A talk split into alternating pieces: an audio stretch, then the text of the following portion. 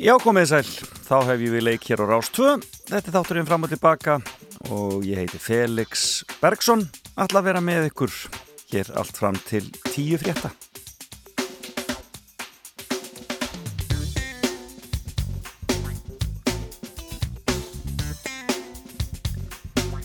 Já, það var dásanlegt að fara að staði í morgun, í morgunsárið.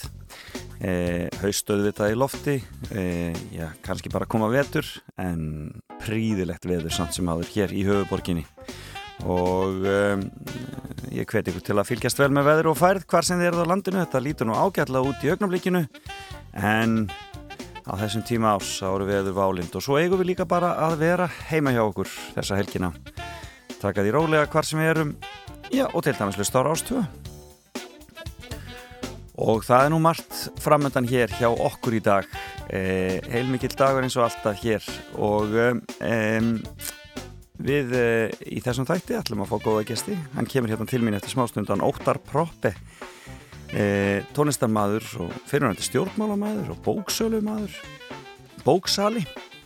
Bóksölumadur, þetta er nýri og eh, hann ætlar að fara með mér í fimmuna sína sem að er mjög forveitnileg og hann sæst hérna hjá mér eftir sittur fram á gangi, nú þurfum við að vera hér á allskynns mismunandi stöðum í húsinu í efstaleiti en það er uh, vonandi blessast allt saman. Og svo ætlum ég að ringa til Úkrænu eftir nýju ringi hann Ingeborgur Solónu Gísladóttur sem er þar eh, og sinir kostninga eftirliti eh, og eh, forveitnir þetta að heyra hvernig ástandið er í Úkrænu þessa dagana og hvernig gengur hjá Ingeborgur svo verður frétta geturinn á sínum stað og aldrei að veita nefni ég ringi kannski eitt símtali viðbútna, það kemur ljós hér og eftir. Eh, en eh, við erum ekkert að tvínuna við þetta. Við skulum byrja bara beint á lægi dagsins. Og ég er aðeins í eh, þemanu hvar eru þau nú? Við sem að áttum okkar sokkamanns ára á nýjunda áratögnum við munum mjög eftir eh, eh, Alison Moyet. Eða Alison Moyet eh, sem er ennsk söngkona sem var kannski ég sló eftirminni gegn með duettinum Yazoo. Eh, en eh, það var auðvitað Vince Clark sem var með henni þar. Og eh, þetta var náttúrulega lögin Only You, Don't Go, Nobody's Diary. Og þetta eruðu gríðalega vinsala plötu, ekki eru tvær plötur þarna í kringum 1982 og ný, um og eftir 1982 en Alison Moye er sem sagt hálf ennsk en átti franska móður þannig að e, hún svona hef kemur úr, e, úr tveimur áttum. Hún kvarf alls ekki því að hún hefði gengið gríðarlega vel í sínu sóloferli og e, haft heilmikið að gera.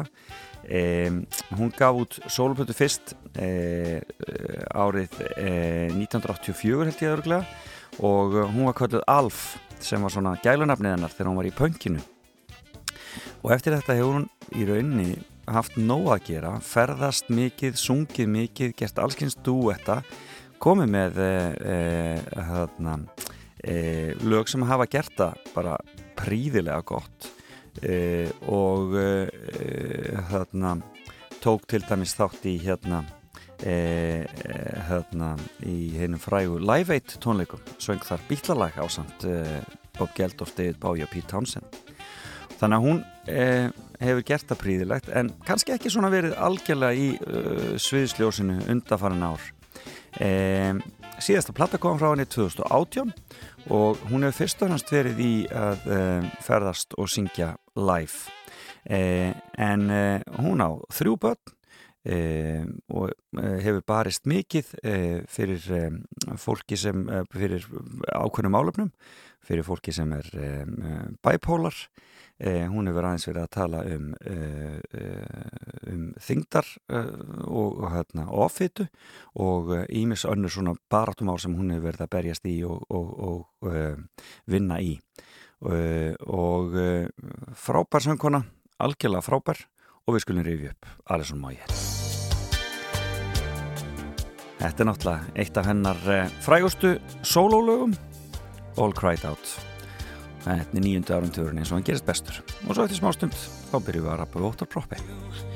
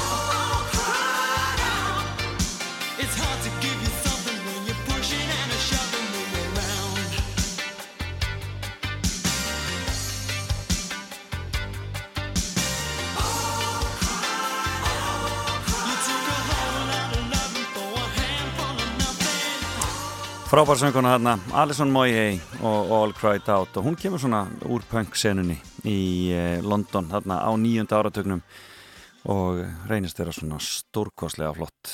Já, bara sólsönguna. Þannig hljómaði það aldrei vitunum við heyrum annar lag með Alison Moyey fyrir lokþáttar en eh, eigum við ekki að skella okkur í uh, óttarprópi og fimmuna hans en byrjum hér.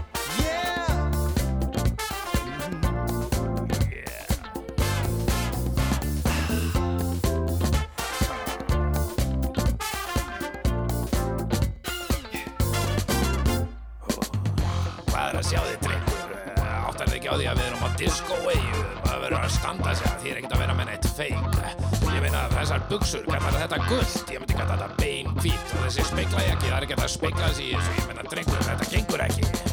Hvað er þú að pípa, professor? Þessi palli ettu jaki er sko ekkert slor.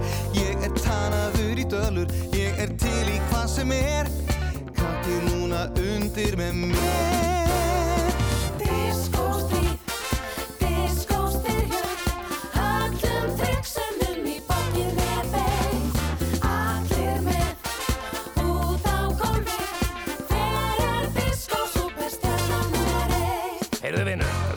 Eurovision fyrir þig lengur.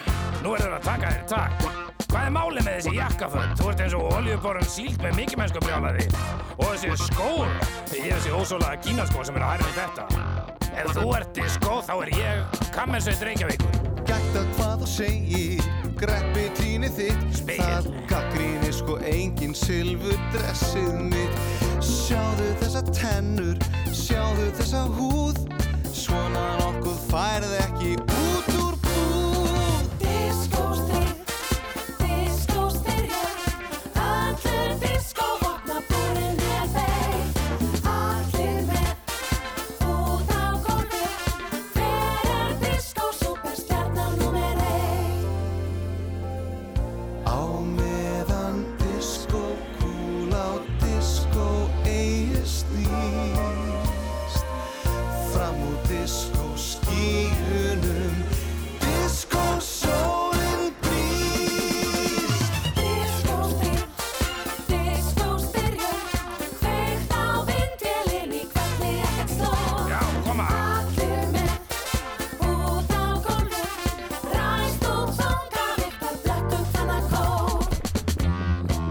þar hegst hennar pels í hústýragarðinum. Hefur þið heyrt um Frank Zappa? Mamman saumaði þetta á mig. Þú myndir ekki þekkja Abba þótt Benny kem og bitið í rassinn. Ég var þá aldrei spurt um Annifríði í lampadeltin í IKEA.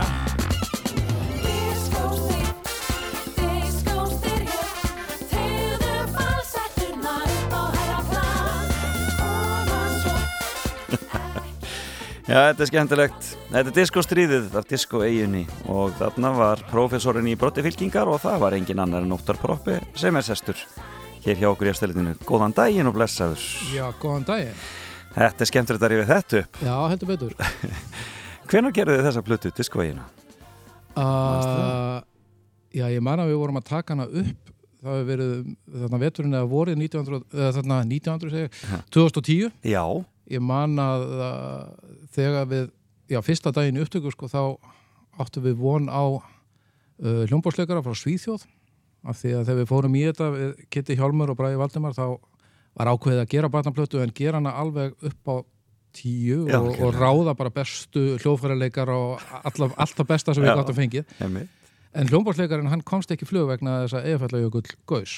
Já, þannig að þetta er tvöð, já, akkur. Þannig að það hefur verið 2010 Einmitt. og það var eitthvað mikið lukka vegna þess að þá fengum við með svona þryggja mínútna fyrirvarið eitthvað svoleiðis Eithor Gunnars með okkur í þetta og það, það var ekkert smá að fá bara konung íslenska diskósins með hei- pródúsurunar. þetta heitir sérst að sækja vatni við lækin í rauninni. Algjörlega. Já, þetta er algjör snið. Ég hef oft hugsað hann sko, Palli er þarna, uh, þarna þessi vonda diskostjarna. Já, hann, hann var vondi Hann kallinn var vondi kallinn í þessari sögu sko.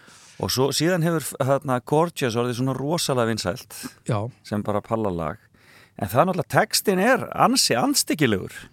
já, já, Gorgeous var bara samið inn í þessa konceptplötu sem Já, átti að vera akkurat. svona koncept diskoplata fyrir börn og uh, þetta var svona söngur vondakallsins Já, en, akkurat. en Palli er svo, hann er náttúrulega náttúru afskoðan hann bara snýri þessu upp á sig En þetta er samt svolítið fyndið því að Palli er alltaf að segja öllum að, þarna er, er svo mikið í svona inklusjón og allir eru vinir og svo leiðis. já, já, Svo erum við sannst að lægjan segir hann að það geti bara ekkert allir orðið Gorgeous eins og hann. Sko. nei, nákvæmlega Það er mjög fyndið. En ég, ég held að við einhvern veginn speglum okkur öll í þessum texta Það er ekki spurning, Já. ekki spurning.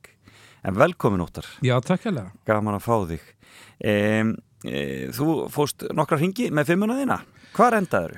sko, ég var í dálum vandræðu sérstaklega þegar ég fór að skoða sko fyrir gesti sem að höfðu verið svona rosalega sníðu í þegar þau völdu fimmuna sína og ég var svona alveg komin niður í að verða bara svona upp á kaffibóllana mín eða eitthvað. Já, En svo fór ég bara að velta fyrir mér svona hvað maður er búin að vera að hugsa núna í þessu COVID-i og maður er svona, þetta er svona skrýtnir tímar Einmitt. og, og mörguleiti en maður og við öll einhvern veginn búin að vera svona bara að velta hlutana fyrir okkur og svona. Já. og ég fór hérna að velta fyrir mér svona í, í þessari, hvað maður segja, sköpunar uh, lífi mínu. Uh, svona hvað mann langar að gera, mann langar alltaf að gera fleiri plötur eða hvað það er. Og, uh, og þá kom upp sem sagt samstarf og samstarfsmenn. Já, og ég átti að maður á því sko að það sem að maður kannski saknar helst að ég allavega í mínu lífi, sköpunarlífi þá hefur það eiginlega alltaf sko byggst á samstarfi við eitthvað fólk akkurat. og uh, ég held að listamenn svona séu miklu minna einir með að finna upp hluti heldur um að það kannski heldur Akkurat. það er allavega mín reynsla sko. Mitt, ég hef bara verið heppin með það að, að fá að vinna með alls konar fólki þannig að það eru samstörfið eða samstafsmenn sem ég ákvaða að reyna að fimma Það er bara uh, hljómar mjög vel og við skulum bara byrja á byrjunni. Hver er svo fyrsti? Heyrðu, ég ætla að byrja á listbróðu mínum Sigurjóni Kjartansinni Já, skemmtilegt. Þið hafa nú komið víða við. Já, við, við kynntum sko Sigurjón er alveg upp á, á, út á landi. Já, Reykholt í Borgarfyrði og svo Ísafyrði og, uh, og flutti svo stálpaður ungningur í, í, í hérna Kópáin já, og þá, ég er sjálfur úr Hafnafyrinu já, þannig að uh, ég kynntist honum svona óbeint. Þetta var svona gaur sem að maður fór að heyra af einhvern veginn í gegnum samiðilega kunningja. Já, og svo sá maður stundum sko þegar maður fór í menningarreysur í bæinn. Já, þá var farið til Reykjavíkur og kíkt í bókabúður og það var farið í, í grammið og laugavegin um að kíkja eftir nýjum uh, punk og nýbylgjuplötum og svona. Já. og þá sá maður stundum svona skuggalegan slána í svörstum leðujakka með rosalegan lokk svona fram eftir svona hérna svona ljósan hérna, liðan lokk sem að náði langt nýr á höku já, akkurat. og uh, hérna svo einhver tíman erum við kynntir og náum svona vel saman einhvern veginn strax að tala um, um nýbylgju og, og um hryllingsmyndir og svona alls konar menningu sem að þótti kúl og svona hættur að, að vera að velta sér upp úr þarna á in the 80s á nýjönda áratunum og við ákveðum mjög snemma að við ætlum að vera listbræður að við ætlum að, að, að bara vinna saman í því að búa til alls konar list mm -hmm. og uh, það sem að enginn er kannski okkar samstarf og hefur gert núna, hvað er þetta orðið, 40 ár mm -hmm. eða verða það hérna er að við höfum aldrei efast um hvað við værum að gera uh, þetta var tólkað í gamla daga sem, sem mikill hróki að við værum svo þarna þættnum vera miklu betur en allar aðrir. Við vorum bara miklu vissar um hvað það var sem við vildum gera. Við vildum bara búa til rosalega dramatíska háværa og helst svona óþægilega hvort sem að var músík eða, eða bíómyndir eða hvað sko. Og þetta samstarfið farið svona upp og niður. Sko við ætluðum fyrst að búa til bíómyndir og byrjuðum, skrifuðum handrit og byrjuðum með þessi að taka 8mm bíómynd sem að hétt því frábæra nafni Álversmenguðu djöflatnir og það fylgdi nú alltaf með í sögunni sko að Álversmenguðu djöflatnir sem er náttúrulega kolluð alþjóðlega The Contaminated Devils of Alumnium og uh, átt að vera hryllingsmynd sem átt að fjalla um vonda síkunar sem að byggu í bílakirkugarði við hliðin á álverðin í Strömsvík en uh, svo var svo erfitt að fá félagan allir sem mæta í tökur og, og svona þannig að við byrjuðum einhvern veginn að á vittlusum enda og byrjuðum að semja músik fyrir myndina. Og upp úr því var hljómsveitin okkar ham. Og hún verður til upp úr þessu? Hún verður til upp úr þessu og það, það má nú kannski segja að, að haf, hafi verið svona okkar fyrsta fyrir okkur báða og svona daldið okkar leið, hvað maður segja inn í, inn í listina og inn í tónlistina Þannig að þú varst ekkit vissum að það er tónlistin endala sem er þú á? Nei, mig grunaði aldrei sko. ég, hérna, ég hef alltaf verið mikill áhuga maður á músík og svona en Já.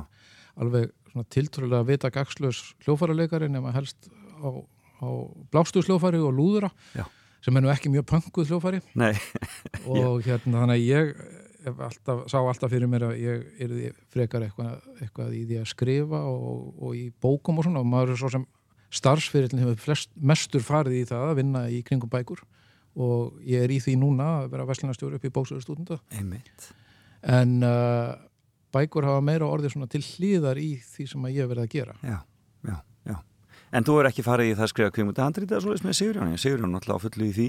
Jú, jú, við byrjuðum náttúrulega því þarna hvenar 87 Já. að skrifa álagsmenguðu djöflana. Einmitt, en, uh, hún var aldrei gerð. Hún var aldrei gerð, en uh, við unnum nú í einhverjum svona svona sillingsmynda tilvönum Já. Hérna nótt finn Alltaf, alltaf hryllingsmyndir. Já, já, hryllings og, og, og svona, svona, já, svona lélugur hryllingur og hérna gerfi blóð, það var mikla tilvönir með gerfi blóð og svona. Já. Það voru þetta myndir eins og Nótt Finngarksins og, hérna, og Hýri Morðingin var, en minnst af þessu var klárað og hvað þá að það er nokkurt maður sínt uh, ég hef ekki verið að vinna með Sigurðurni sko núna í setni tíð í, í, þetta verið orðið svona hans ferill. Einmitt, en á tímabili var ég, ég fekk svona daldið yfir mig af músikbransanum hvenar hérna var áraunum undir aldamótin eftir 1995 og 8 Já. Og fór þá að, að vinna með Þorgeri Guðmundssoni félaga mínum í, uh, í sérstaklega í heimildamöndagerð heimildamöndum Erro og, og uh, seri og langa mynd um Bílabægin Keflavík og fleiri svona myndir. Já. en svo gafst ég nú eiginlega upp á því það er óbáslega langar pípur í bíó bara Já, fyrir minnsmæk tekur langa tíma, tíma. En hvað er það við Sigur Jónsson, bara í loki með hann? Hvers vegna uh, er hann svona uh, nýtur hann svona mikill að velgengni í samstarfi? Hann, hann, hann er alltaf hann er vinsall og mjög virtur. Hann er náttúrulega sko hann er algjör ljúflingur, mm. drengurinn þá hann myndi aldrei viðkjöna það sjálfur. Og hérna og bara mjög skemmtilegur mikill humoristi og, og eldklár sko. En ég held að sé kannski það sem er hans galdur er sko hann er náttúrulega rosalega hann er rosalega klár, hann er æðisluður tónlistamæður frábær gítarleikar og svo framvegis. En hann hefur þetta rosalega nef. Hann veit alltaf hvernig hlutinir eiga að vera. Já, akkurat. Og það getur verið óþólandi ef maður er ósamalánum en það er rosalega svona ítur hlutunum áfram Já, akkurat. það er ekkert verið að hjakka í einhverju lægi ef það er ekkert spes Hann þá er- því bara hent Hann hefur dræf og hefur, já, þennan kraft, já. bara, já þetta, þessa ákvörðun og okkar, okkar samstarf hefur það er svona einkjönda alltaf að það hefur aldrei verið svona spurt hvað eru að gera Nei, akkurat. það er alltaf bara vitað Frábært. Heyrðu, næsti maður, hann er, tengist nú ham líka. já, ég hérna sko þegar fór aðeins yfir eftir að ég ákvaða að hafa þessa fimmu Já, þá fór maður yfir sko, já ok, hverjir eru það og svo var maður komið með 20-30 manna lista þar maður vissi af sko. og það er eitt svona samstagsmaður uh, S. Björn Blöndal uh, sem að hefur svona fyllt mér bara síðan við vorum saman í Flensborg.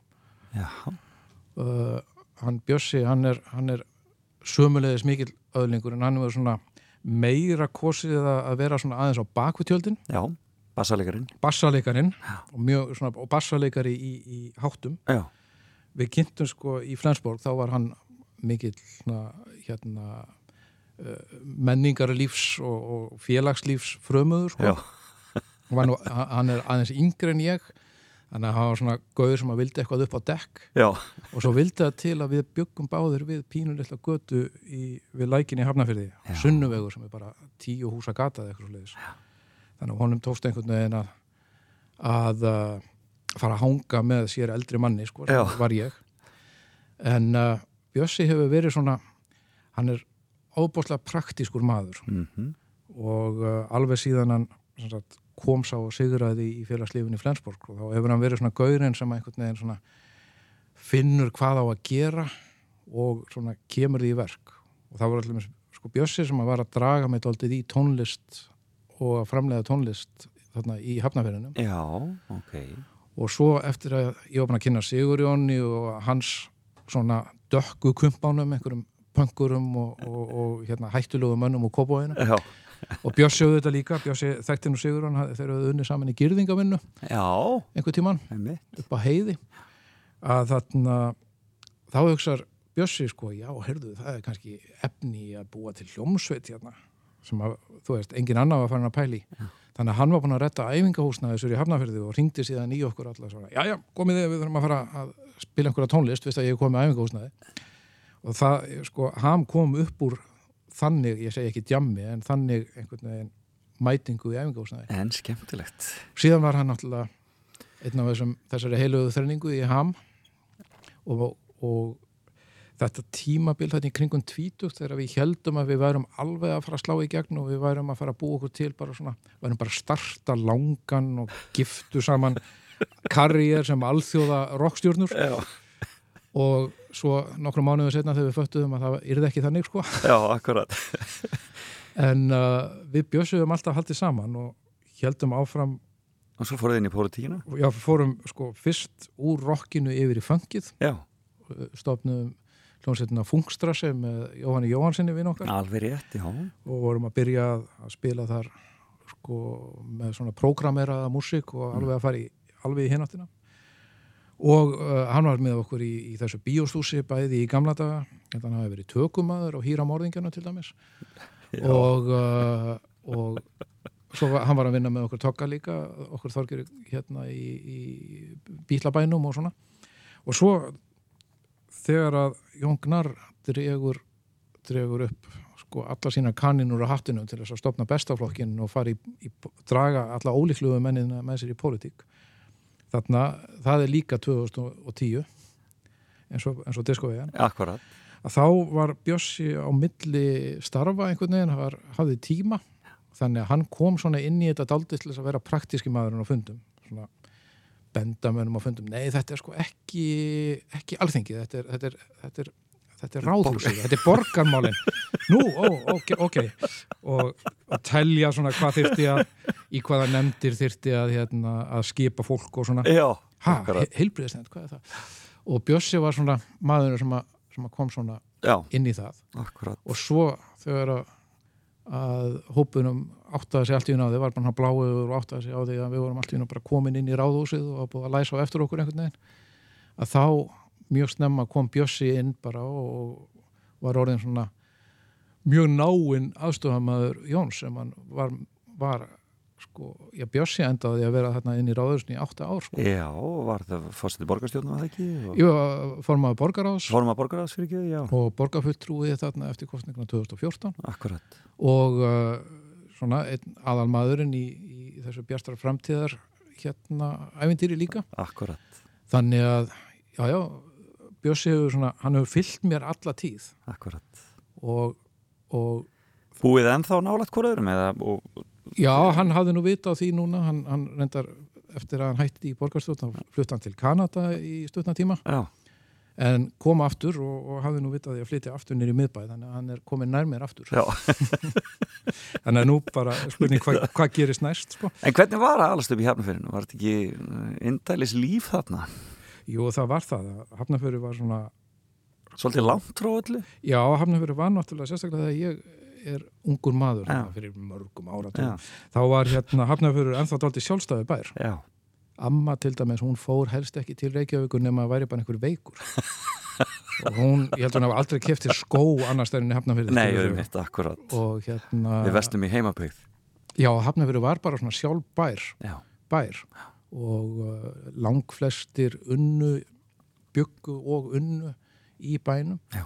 og uh, maður var svona daldið út úr sko í hópnu til dæmis Flensborg og ég gæti ekki beðið, ég var alltaf í stræt og að þvælast inn í Reykjavík að fara í bókabúðir eða Já, eitthvað einmitt, að einmitt. leita mér að menningunni meðan að flestir félagið minni voru bara alveg sáttir við þessar tvær blötubúðir sem voru í Hafnafyrði Já, finna sér bara að vinna í álverinu og hafa það hugulegt Ég segi það nú kannski ekki, en þú veist, það komu flestar blötur í músik og sport, sko. Já, svona fyrir rest, já, Já, já. akkurat. en hérna, En þú varst kannski, já, svona hafðir meiri, varst að leita meira. já, það hafði kannski eitthvað með það að gera, ég hafði líka sko búið í Ameríku á köplum meðan að fórhaldar minni voru í námi. Já, þannig að þú þráði kannski aðeins meira stórborgar líf líka. Já, þá. svo var maður kannski alltaf að reyna líka að vera öðruvísi og vera í einhverju niðan svona underground lífi, sko. Akkurat. En last alltaf svona mikið, varst alltaf svona mikið lestarhestur. Já, alveg síðan ég mann eftir mér. Já. Og byrjar að lesa á ennsku þá náttúrulega snemma. Þú, Já, þannig sko, allavega þegar ég var úti Já, en uh, ég segi stundum að sko, ég var svo heppin að eiga sko, sko tvo afa sem að voru báðir alveg rosalega miklu bókamenn Já. og uh, maður hjekk mikið heima hjá þeim þau byggu svona sikkorum megin við okkur 100 metra Já, eða eitthvað í já, hafnafyrinu sko. og heima hjá þeim var mjög mikið af bókum og uh, það var ekkit mikið við að hafa sko þarna á 8. áratögnum þegar ég er alast upp sko. Nei, veist, það var útvarp sem var, var bara sko rása eitt án tónlistar. Akkurat. og hérna sjónvarp í fjóra klukkutíma á dag svona stundum. Og uh, jú, maður hlustaði á þær plötur sem voru til, ég hlustaði óendalega mikið á Jón Tröll heima hjá Jóni afa mínum og óttar að við áttum nú ekkert svo nýtiskulegt en það var nú aðalega einhverjir svona gamlir marsar og svona lúðrásetta músík sem maður hlustaði á þar og þá var maður bara að fara í bókasafnið akkurat. og lesa æfisugur sjómanna og, og íslendingasögurnar og eitthvað Dásamlegt. og ég hef einhvern veginn mér finnst bókin svo æðislegt form af því að, af því að hún er svo inn í hausnum á manni Já, maður ímynda sér alltaf, maður sér fyrir sér persónuna, þess vegna þess vegna er ofta erfitt að sjá bíómyndir sem eru gerðar eftir uppáhaldsbókum Það er bara eiginlega algjörlega óþólandi. þessi Tom Cruise, hann lítur ekki út Nei, þetta er, ekki, Rítsir, hann er bara miklu minni þetta er ekki minn, sko. Nei. Heyrðu, við verum að halda áram. Það, við, þú, þú varst að tala um þarna, e, fungstrassi og þá kemur Jói Já, upp í hugan. hann, Jóhann Jóhansson eða Já. Jói Daisy eins og hann heitir nú í mínum hóp sko Já, hann, honum kynntist maður þegar við erum að byrja þarna fyrstu skrefin í, í músíkinni við vorum alltaf í þessari neðanera músík já, hún var mjög aðskilin frá uh, vinsalu og, og almenningsmúsíkinni mhm, og hérna, þú veist við þekktum ekkert ykkur sem að voruð að gefa út hjá stóru plötu fyrirtækjunum nei, við hengum bara í gramminu einhvern veginn og fengum kannski að, að, að þú veist, vorum búin upp með okkur ef að einar örn skammaði okkur fyrir eitthvað. Já, og hérna þá var Jói ungur strákur út á, Altan, út á hérna Seltjarnarnesi. Seltjarnesi mhm, og var með hljómsveitna Daisy Hill Puppy Farm sem að var aldrei legendary. Voru háværir, voru mjög held ég undir áhrifum frá Jesus and Mary Chain og Velvet Underground og þessum böndum sko. Svona, svona noise böndum. Og uh, Jói var svo uh, já, hann var svona sveipar á hvernig dölúð og ég man þegar að við náðum að kjaft okkur við í ham sko, náðum að kjaft okkur inn á það að fá að hita upp fyrir alltaf ekki verið S.A. Draum eða einhverja svona einhverja stærri kanonur í, í niðanara listinni Mhm. og uh, Jói og strákarnir í Daisy komu sko, þá var þetta bara svona en, en við Jói náðum strax rosalega mikið saman og ekki síst í gegnum bækunar Já, að einmitt. Jói var svona bóka brjálaðingur líka eins og ég og þarna uh, þannig að við byrjum strax, verðum strax vinir og byrjum strax að bera saman bækur okkar Aha, bara hvað hefur þú lesið og hefur heyrt um þetta og, aha. og ekki bara bækur, heldur bíómyndir og bara list almennt sko og Jói var svo mikil alæta á list, hann var svo rosalega forvitin alla tíð, Mhm. alltaf að, að leita sér að og, og, og, og bara komast að því hvað aðri væri að, að spá og hugsa sko. Mhm. þannig að hérna sko okkar samstarf uh, Hvenar er fungstrassi? Hvenar Fung- verður hún til? hún verður til nú bara þarna rétt, örgulega þarna kringum 90-91 eða eitthvað svo Já. við erum byrjaðir að taka eitthvað upp og áttum lög sko, Mhm. sem að uh, að voru, voru, er- voru tilbúin og voru tínt til, til inn í sódómubíómyndina sko. Já, en þetta er, þetta er í rauninni á ham tímanum, þetta er á sama tíma og ham er í gangi, sko. Já. Jú, og þetta er svona, svona hliðaprójekt Og hann, hann kom inn í ham líka, var ekki? Jó, hann. Jó, svo kom Jói setna inn í ham sko, þá var fungstarsi svona orðin að meiri, meiri hljómsveit og Já. að taka upp eitthvað lög og gefa út á saplutum og, og í, í bíómyndinu Sódóma Bjössi var auðvitað með okkur Já. hann var svona í, sko frá því að hann var ungur hafði hann stundað að vera slappbassaleikari Já, og spila svona funk já, og uh, svo kom Jói inn í ham sko, bara maður með, með nýja ströma þangað sko en okkar samstarf engintist alltaf að þessari leit þessari spekulasjón Já. og því að vera að, að kynna okkur ströma á stefnur skemmtilegt. Kom þér óvart að hann skildi ná þessari fræð sem að, og, þarna, og viðurkenning og heimsvísu sem hann gerir? Já, það kemur auðvitað alltaf óvart eða eitthvað svona kemur fyrir vinnumann sko, Já. sem er svona út úr myndinni Já. en samt einhvern veginn ekki vegna þess að Jói var alltaf svo hann var alltaf svo rosalega alvarlegur í því sem hann gerði, það er að segja alvarlegur í því að gera úr hlutunum og ef einhver hefði spurt mig hvernig hann hefði átt eftir að slá í gegn þá hefði ég ekki, ekki ímynda með kvikmyndatónskáld en Já. það meikaði svo fullkomin sens allavega eftir á. Já, blessu sér minning hans. Við skulum hlusta aðeins á eh, fungstrassi. Já, Þetta er MH Atomica.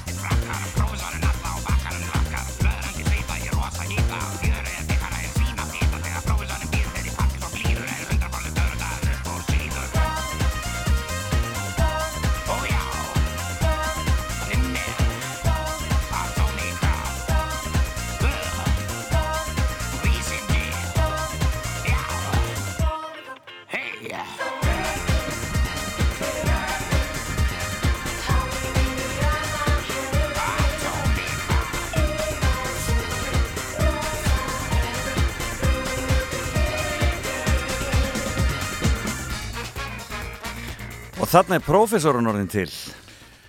já þarna verður hann til Já. Hann er, hann er sem sagt, uh, hann er gaurinn í, í, í fungstrassi.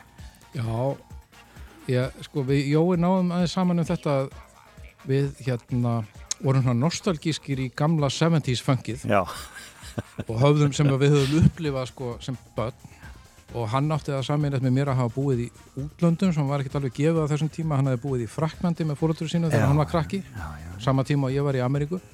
Þannig að við höfum heyrt alls konar músík í útvarpi sem hafði kannski ekki borist hingað upp yfir og svo vorum við líka alveg heillaðir eins og aðrir af þessu nýja formi, þessu hip-hopi og hljómsveitum eins og Public Enemy og Beastie Boys og svona. Þannig að við vorum mikið að spá í bæði þessari tækni nota gamlar Atari tölfur maður tók, þú veist, fimm mínútur að starta. Já, akkurat. Þrjár mínútur að, að búa til þryggja mínútan sampl og svona sko. Já. og Jói sérstaklega, hann var, hann var mikill snillingur í þessum, þessari tekni allir sko. Já, og síðan að reyna að finna út sko hvernig væri hægt að rappa og vera cool á ylhýra íslensku, sko, íslenskunni. Akkurat, já. Og reyna að finna einhverja svona leið og ég held að allavega mín leið var endaði á því að vera sko í ofstuðlun og enda, svona endalösu rými sko. Og svo hvernig ætlar að vera sko cool ef að fyrirmyndin er Chuck D og þú er bara hvítur strákur upp á Íslandi? Algjörlega. Og það mest töff sem okkur dætt í hug var að segja stuð tvö! Og það var svona prófessorin komið upp á þessu sem er svona alveg fölbleikur en ofsalega sjálfsörugur Já, svona funkkongur einhver sem er samt ekkit alveg alvöru sko. Nei, en hann sko er allavega með það í kjæftinu þetta er alveg stórkostlega skemmtilegt. Já, Fungstar sem var mjög skemmtilegt prójekt og held þarna áfram í nokkur ár. Já, þetta var svona grunnurinn ég og, og Jói og, og Bjössi og svo komu fleiri inn Addi trommari og, og Guðni Finnsson bassaleikari. Einmitt. Pétur Hallgríms gítarleikari. Og svo var rosalega röð af bakrætarsöngunum ég held til dæmis þarna við að hlusta á Sigurðan Kjartansson Möggu Stínu og sannlega Emilínu Torrini. Var, þetta var mjög svona, skemmtilegt band sem að sem að var samt ekkert en, en þetta er gríðarlega mikil hérna, mikil hérna Uh, mikið í gangi. Það er svo mikil gróska í gangi þarna í þessum, í þessum hópi á þessum tíma. Já, það var allir að rempast sko. það var Já. allt að gerast náttúrulega. Ný tækni og, og sko íslenska samfélagi var líka alltaf að springa út. Akkurat, og menn, að sjá, að menn líka sjá Björk meika það og svona kannski það hefur verið Já, já, Sigurmálarnir náttúrulega sönnuðu það fyrir íslenskum tónlistamönnum að það væri hægt í raun og veru að gera eitthvað meira heldur en að fá gigg á klubnum sko. akkurat og vinna, og vinna frá Íslandi einhvern veginn. Já, já, Heyrðu, það er bara, þetta, þetta sko, það, það, það, það ríkur áfram, við höfum svo, svo ríkalamast að tala hérna, Já, það eru tveir svo- eftir maður og nú eru það stelpunar og uh, aftur eru við hjá uh, í manneski sem er því miður fallin frá. Og það er Solveig Ansbach.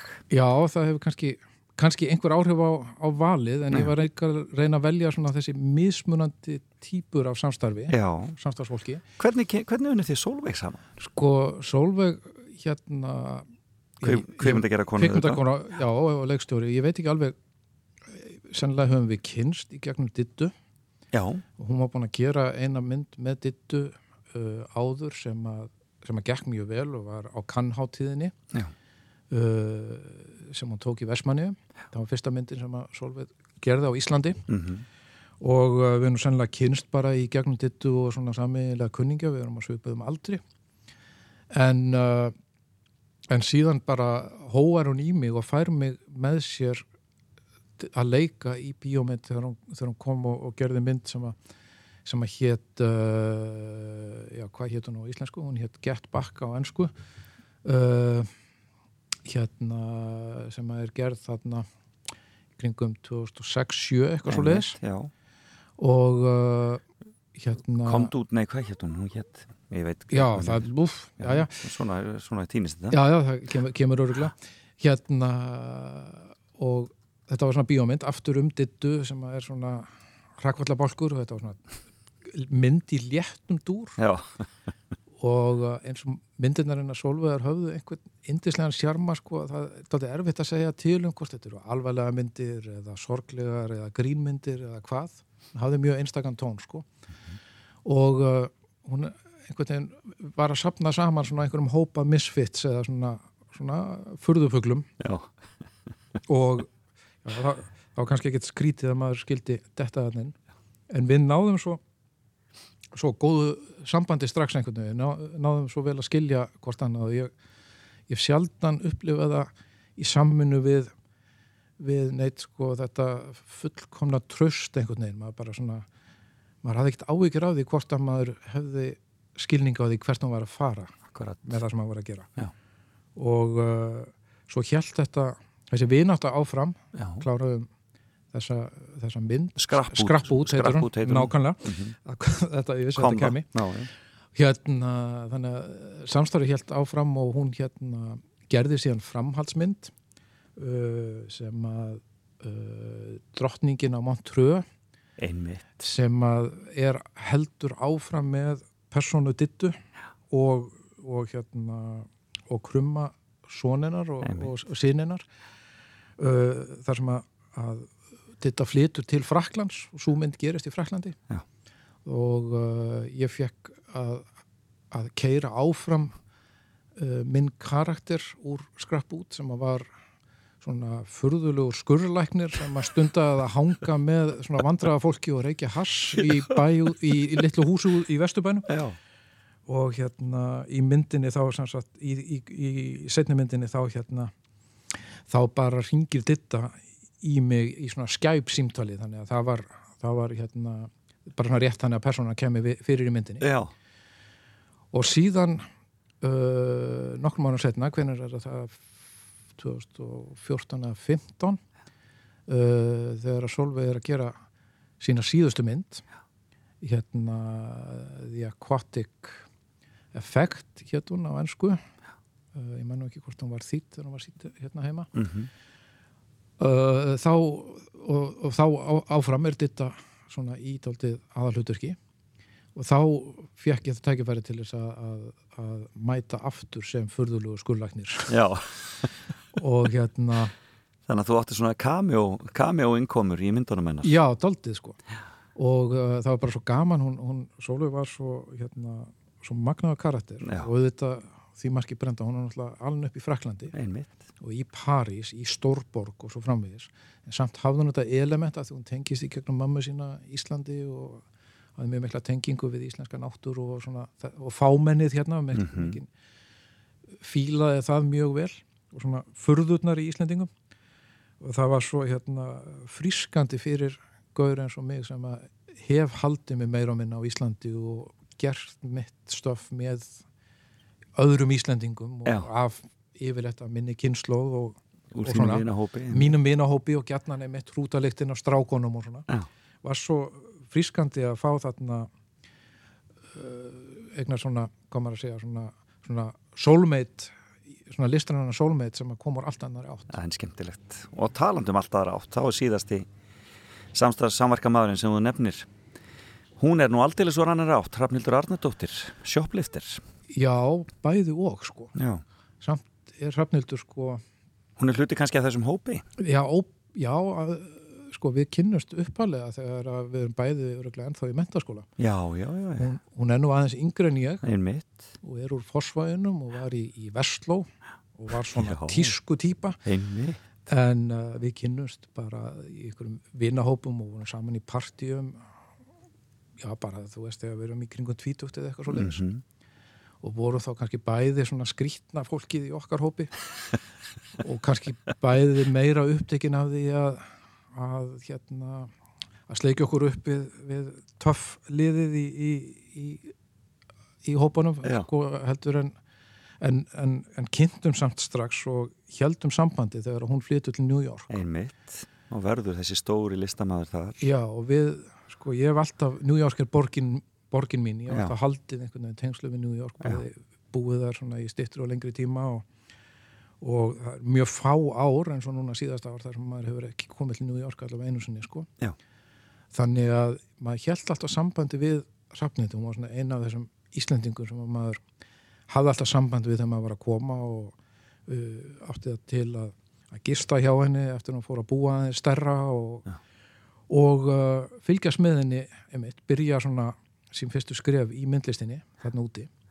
Og Hrafnitur hún einhvern veginn sko henni hefur tekist að búa til myndlist úr hallaræsleiri 80s tísku og því að hann hafi verið í freestyle dansklubbi þú veist í, í hérna í, Vestló einhvern veginn in the 80s og hún hefur þetta þannig dásanlega húmor einhvern veginn að taka eitthvað eins og hallaræsleira úlpur frá því 80s og einhvern veginn setja þær á stall og, og, og, og búa til úr þeim listaverk sko.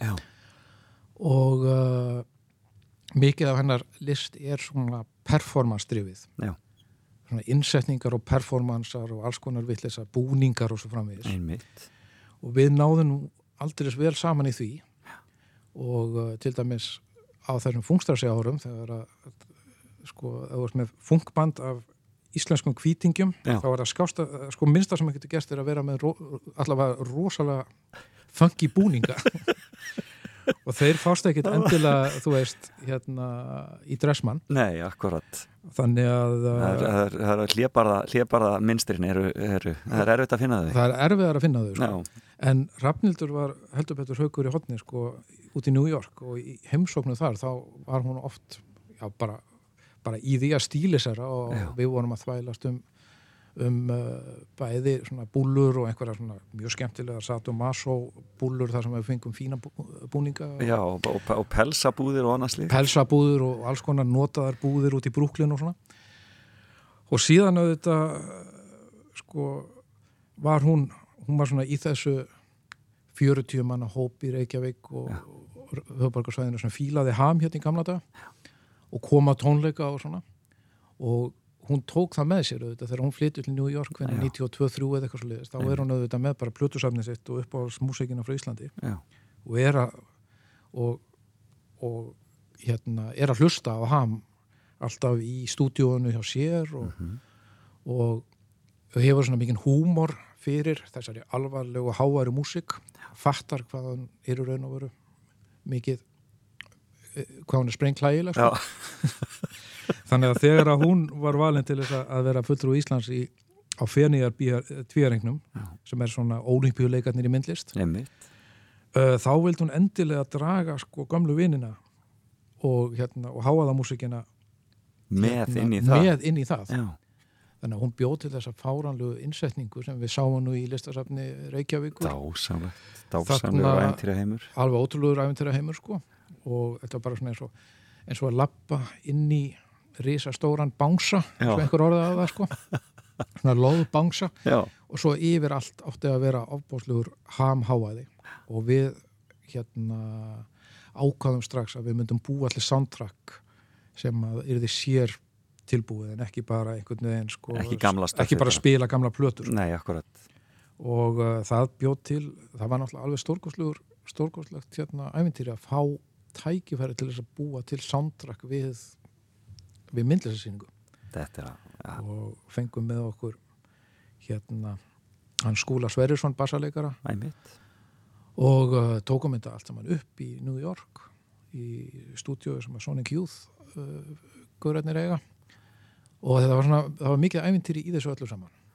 Hérna búa til músik í, í surround sound í 24 rásum og svo framvegis. Og hvað er þetta langt, hvað er þetta langt trakk í það heila? Já, við tókum, það var náttúrulega bara farið inn í stúdíu og fundið sound og svo bara spila þangað til að, að þetta er nú eina svona semi-improviserað, þetta er bara svona háaða Einmitt. sjór. Ég held að upptakan sjálf hafi verið 20-30 mínútur eitthvað Já. svo leiðis og svo var þetta klift niður í nokkra búta sem að síðan eru lúpaðir. Já, skemmtilegt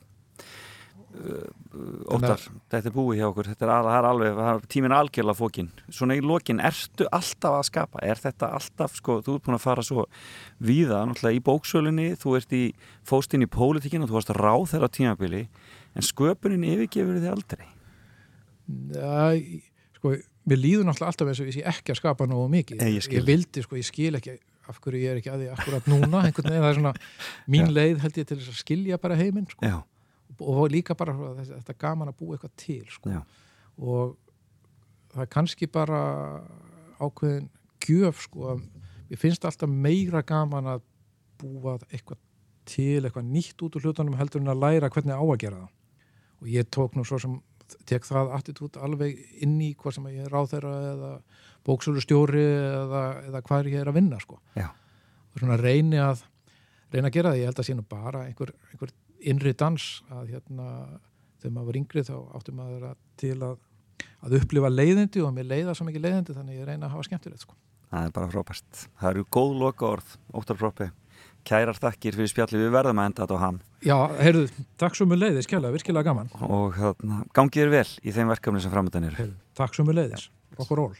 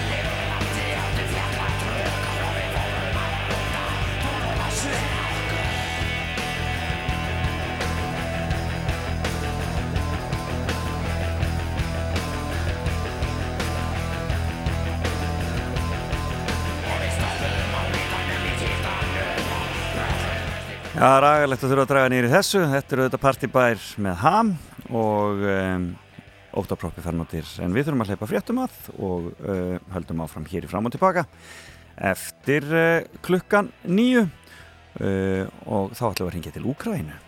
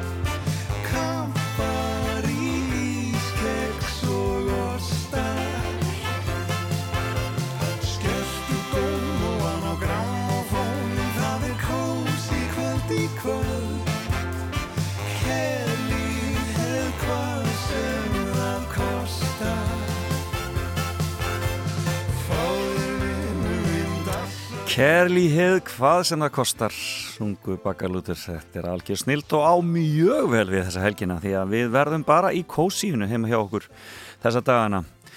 Og náum þessum uh, blessuðum smitt stuðli niður. Við nennum ekki að hafa þetta svona mikið lengur. Þetta er náttúrulega bara algjörður ruggl þannig að uh, við stöndum saman um það.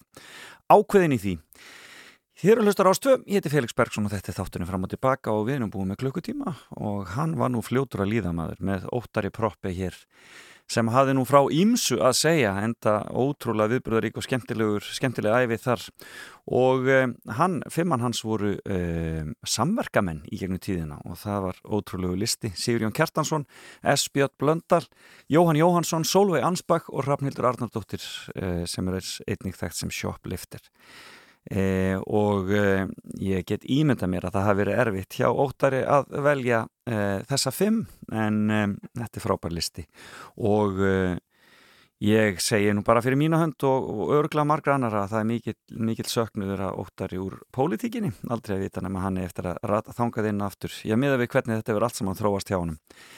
En e, e, þegar þessu líkur öllu saman og við getum aftur farið að e, fara um og, og, og hitta fólk, þá getið þið hittan í bóksölu stúdenda í Hámu. Þar stjórnar hann öllu. En hér eftir smástund allir var hingi Ingeborgur Solúnu Gístadóttur sem að er í stóru starfi, hún er yfir kostningaeftirliti í Úkrænu og spennandi að heyra hvernig hlutinir ganga þar fyrir sig þessa dagana. Fáum aðeins meiri músík. Ha, við tölum svo mikið við óttar að við náðum ekki að koma að neittni músíka, átti ég nú mikið eftir þar.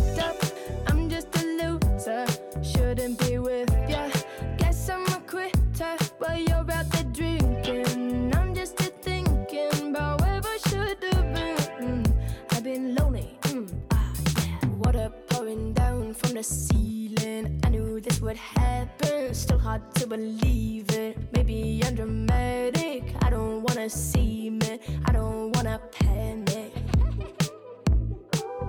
I'm a sad girl in this big world, it's a mad world.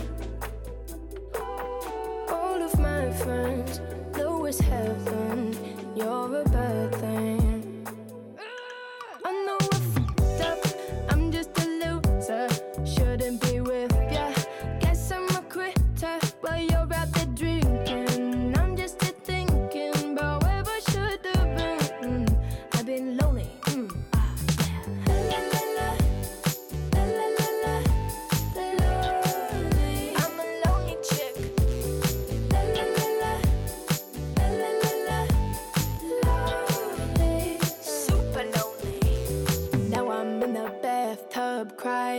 Think I'm slowly sinking. Bubbles in my eyes now. Maybe I'm just dreaming. Now I'm in the sad club, just trying to get a back up.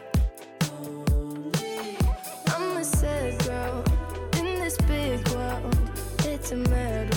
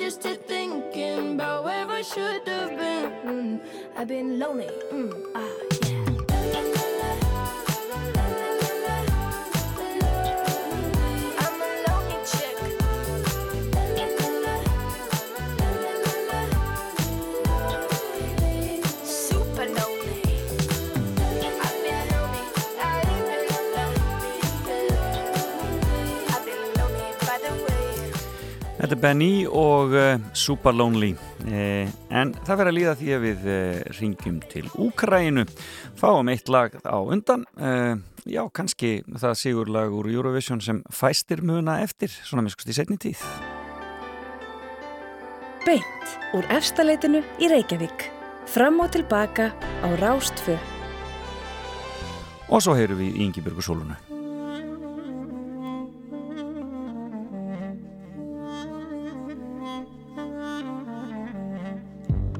when strangers are coming. They come to your house. They kill you all and say we're not guilty, not guilty. Where's your mind? Humanity cries. You think you are God, but everyone dies. Don't swallow my soul. Our souls. Günahıma toy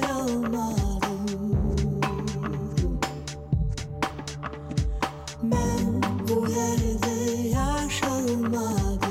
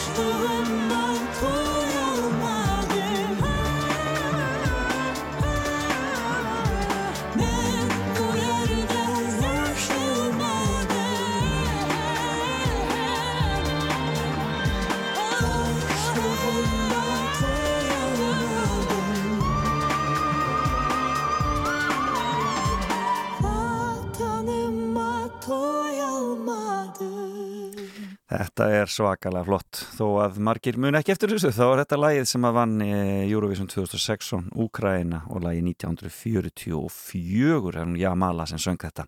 En þá erum við konið við Ingebergur Solrúnu í, eh, í uh, uh, Úkrainu og nú skulum við vona að þetta gangi. Góðan daginn. Góðan daginn, Sæl og blessuð, gaman að heyri í þér sættustu sem leiðis. Já, nú-? Já, það er eitthvað leiðileg, er leiðileg línan, við skulum vona þetta skáni svona, uh, minnskosti, uh, já, við skulum vona það. Heyrðu, hvað, hvað ert að gera þarna, Ingibjörg Solún? Ég er hérna fyrir fyrir eh, teimi kostningeftirlits fólks Já, sem að eh, búið að vera hérna síðan 21. september já, og verður hér alveg fram yfir eh, kostningar sem eru 25. oktober og það eru kostningar til sveitastjórna já, í Ukrænu, í bósi hér í, í borgum og bæjum og sveitafélugum um og eru þeir með kostninga eftirlit þegar það er kosið þetta sveitastjórna?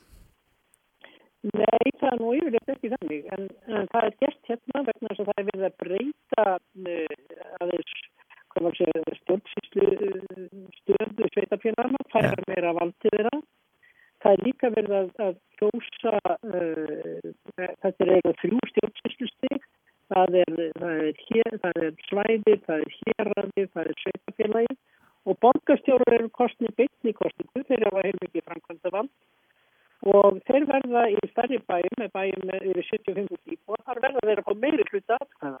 Já, já, Svo það er ansi uh, mikið í húfi og, og uh, mikilvægt að, að fólk tristi niðurstöðu þessara kostninga. Akkurat.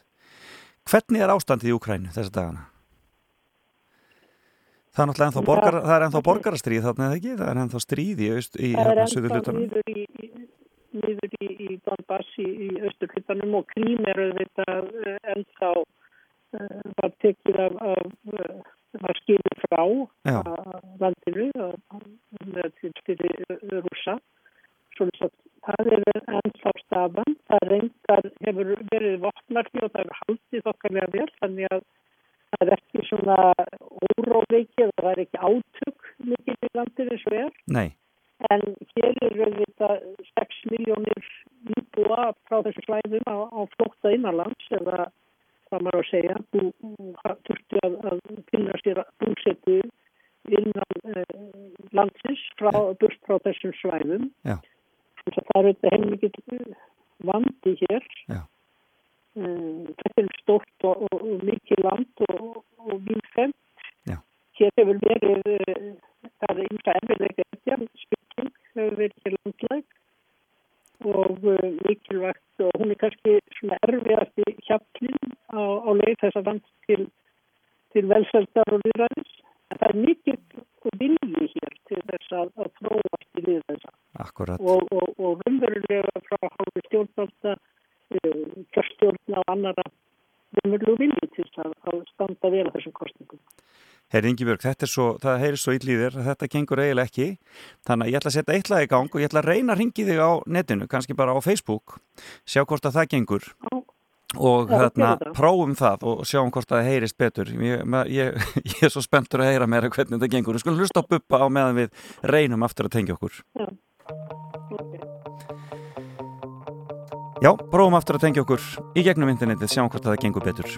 Strax er fætur fór að bera mig á flótta forðast sjálfan sig í kvölina hjælt ég gunnið að skást en mér skorti getuna til að gefa ást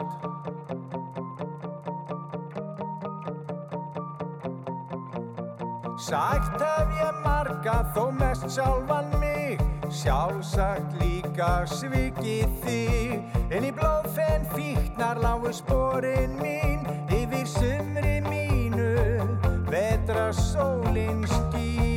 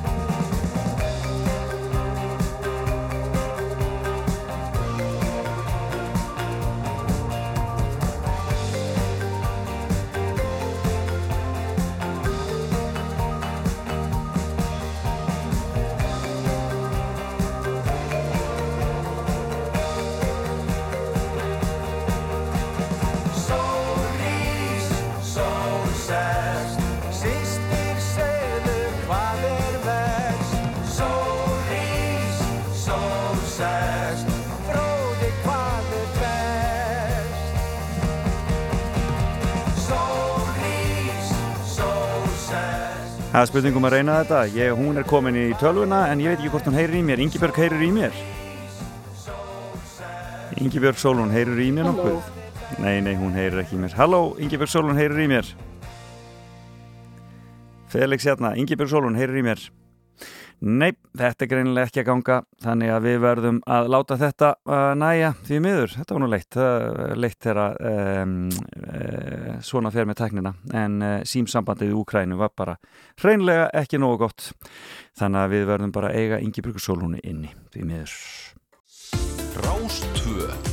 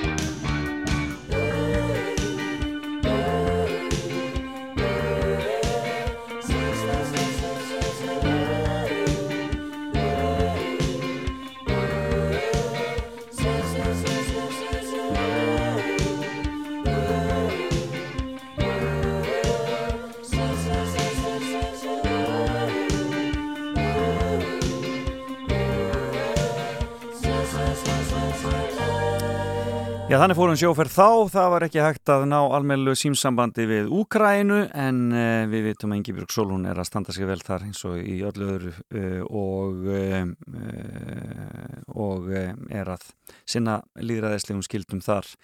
Um, og við náum henni bara síðar þá bara reynum við að ná henni á einhvern annan máta en þetta kom ávart að, að, að GSM-sambandi væri svona slangt En uh, þetta var Raka Gísla að syngja þarna og grílurnar. Hún var hjá Ingo uh, í þættinum á stöðu 2 gær í kvöldir gig og hún var algjörlega stórkostleg. Var þar með Dísu dóttur sinni og hljómsveit Ingo veðuguðs og þetta var bara hryllilega skemmtilegt. Mjög gaman að sjá rökku þar fara algjörlega á kostum eins og vennilega. En nú megið þið byrja að ringja símin 5687123 5687123 því að við ætlum í fréttageturinn.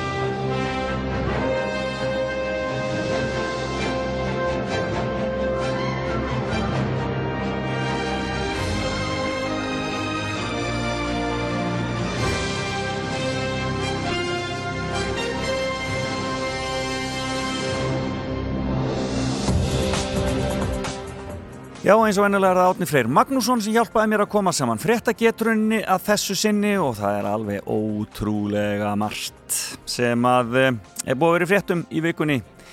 Við reynum að forðast eh, COVID eins og við mögulega getum í þessari fréttagetrun og eh, en það er þarna ímislegt sem að hefur verið að gerast þannig að alla línur er farnar að loga, fólk fylgist greinilega vel með og er til í að ná í velaunin sem að ég veit ekki alveg hver verði í dag. Við sendum ykkur eitthvað skemmtilegt eftir helgina en uh, við skulum uh, byrja á að heyra í fyrsta hlustanda. Og ég segi bara góðan og blessaðan daginn. Góðan dag. Góðan daginn. Heyrur í mér? Halló, góðan dag. Góðan daginn. Sætla og blessaður, hvaðan er þú að ringja? Ég ringir frá reyðarfriði. Þú ringir frá reyðarfriði? Já, já. Þá slepp ég reyðarfriða spurninginu svona í byli, minn skusti. Ah. Þá slepp ég reyðarfriða spurninginu svona Nó. í byli, minn skusti. Já, þú menar.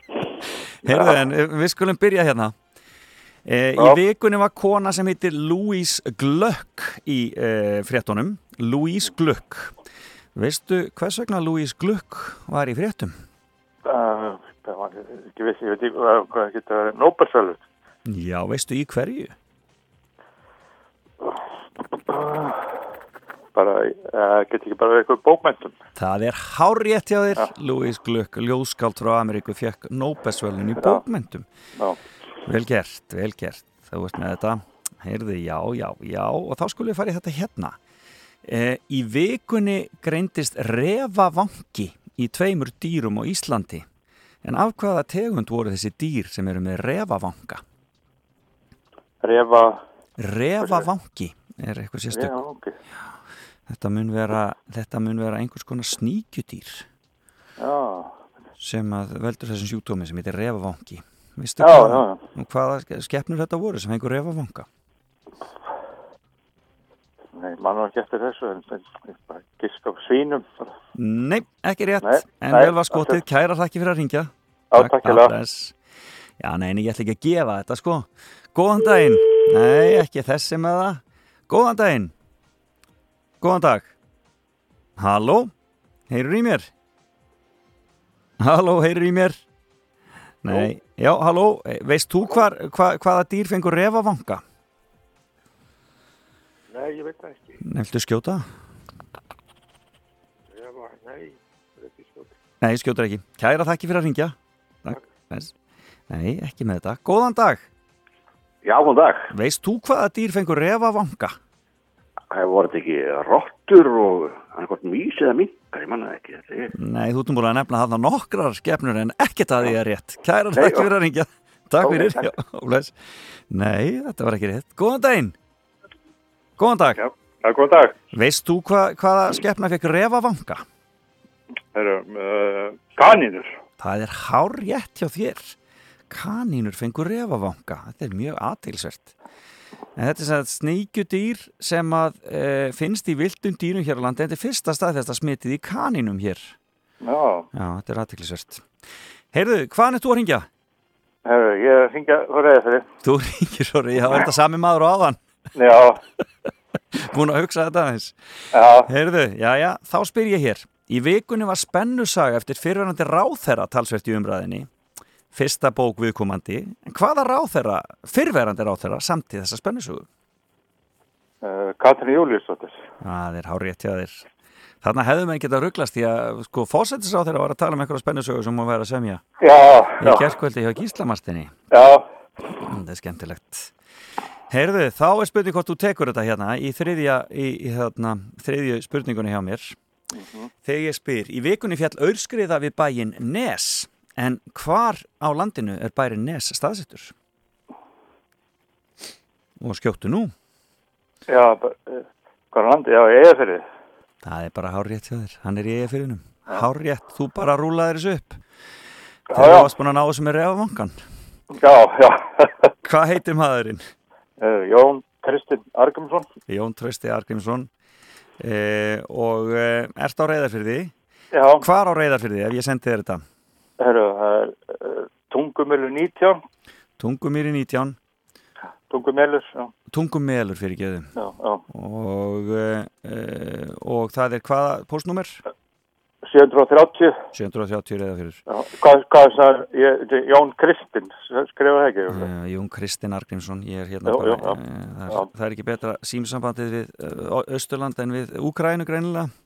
En Nei. hérna, uh, uh, ert þú að vinna hjá álverinu eða ert þú hjá Nei, Fjarðabyggð? ég, nei, ég vinn hjá Fjárabið. Þú vinnur hjá Fjarðabyggð, já, akkurat. Hérna, kokkur í leikskóla. Já, skemmtilegt. En þið, Já, já. þið, við, við, þið, þið eruð laus við, við COVID-ið svona enn sem komið að miskusti? Já, já, já. Og-.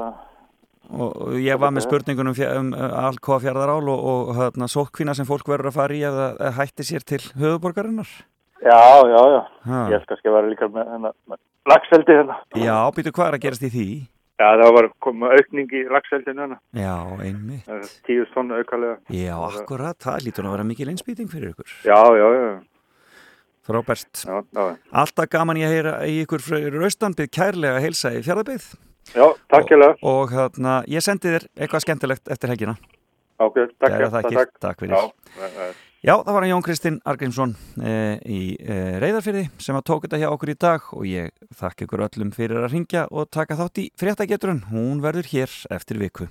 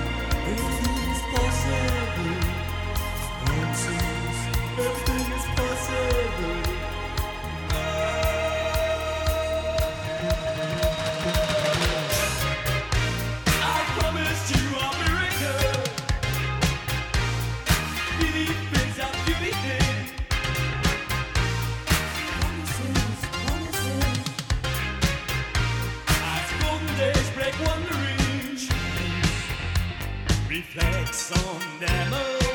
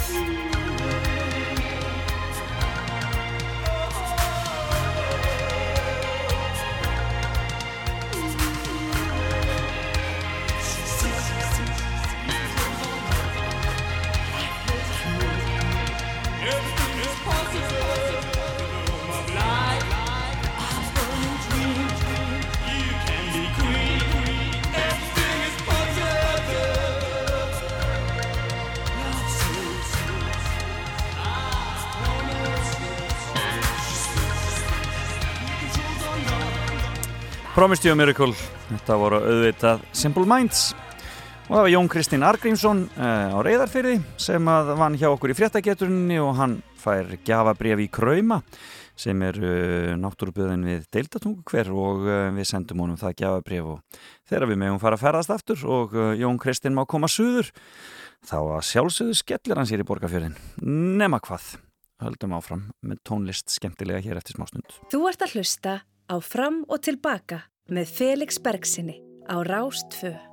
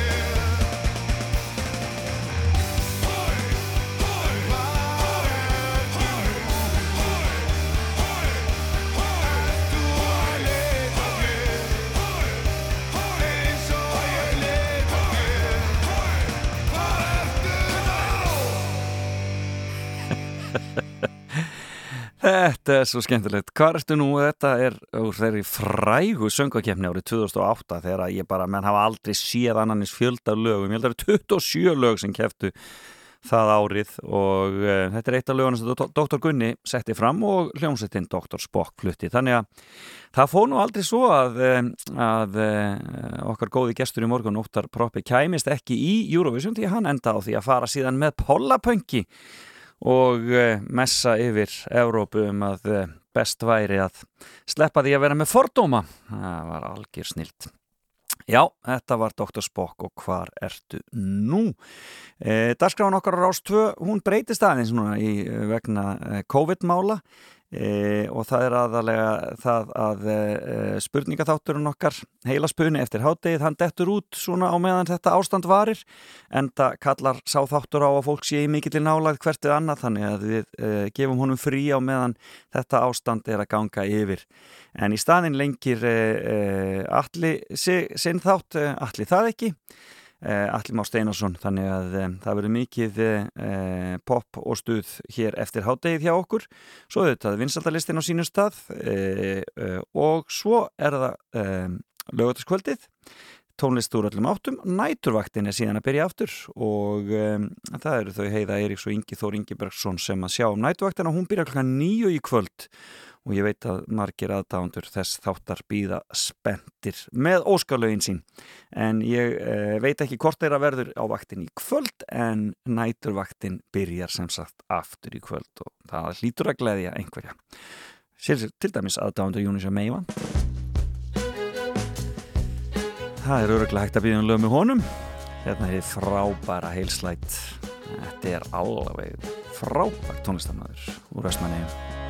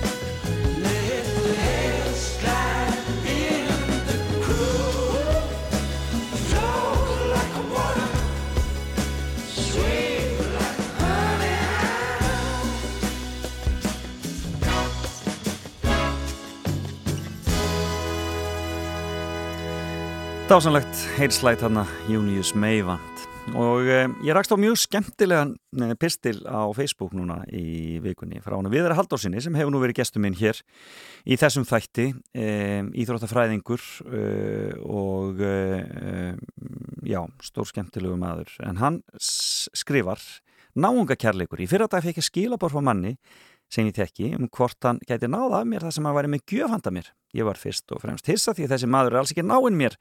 Við myndum ekki kallast vinir fyrir með kunningjar. Setnum kvöldið kom hann svo við hjá mér með þessa Lester treyju.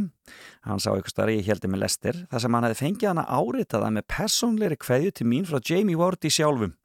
Ég var orðlaus í dýragettinni heimi hjá mér.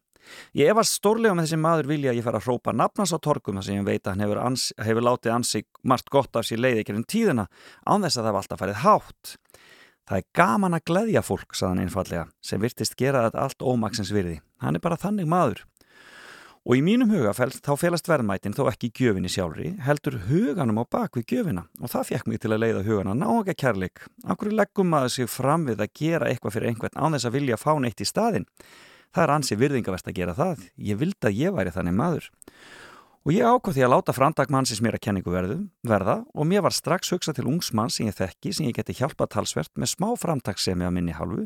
Ég tók því að skarið í gær og let verða af því allt kunningja mínum að þakka. Og þannig getum við látið gott á okkur leiða, gert heiminn að betri stað með náunga kærleika leiðiljósi og veitir víst ekki af að tímum sem þessum. Og svo uh, nikkir hann út með að segja Það er fallegur dagur til þess í dag og ég bara get ekki verið meira sammála. Sýnum hvert öðru náuga kærleik. Listamæður dagsins, Alison Moye. Þetta er Jasú. Looking from a window above, it's like a story of love. Can you hear me? Came back only yesterday. I'm moving farther away. Want you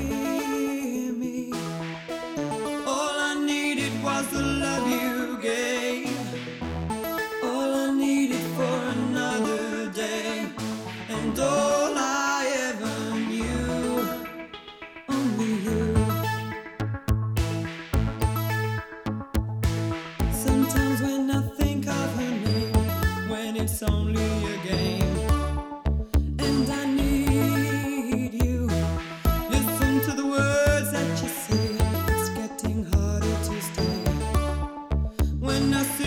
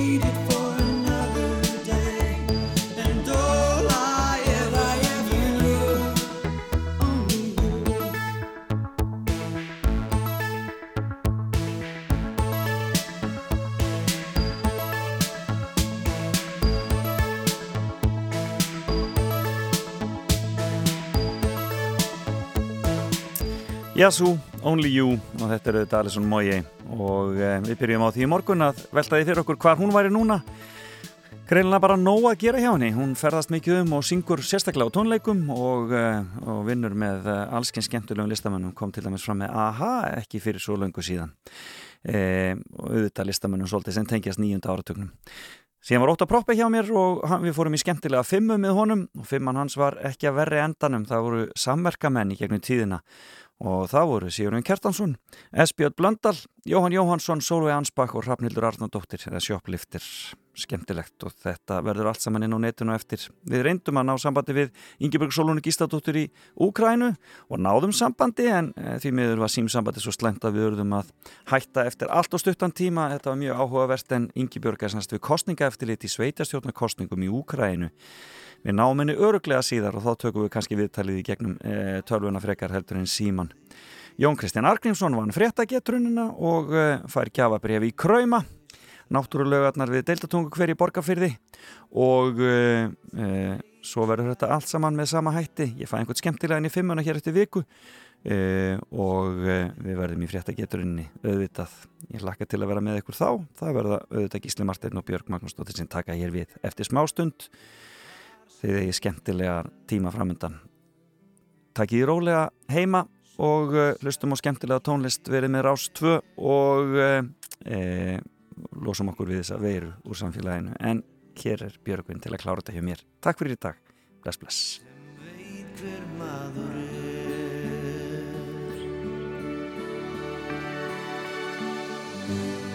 Þið dreymir kannski engin sem óvænt svífur hjá. Með silfur skæra vangi er varla flugin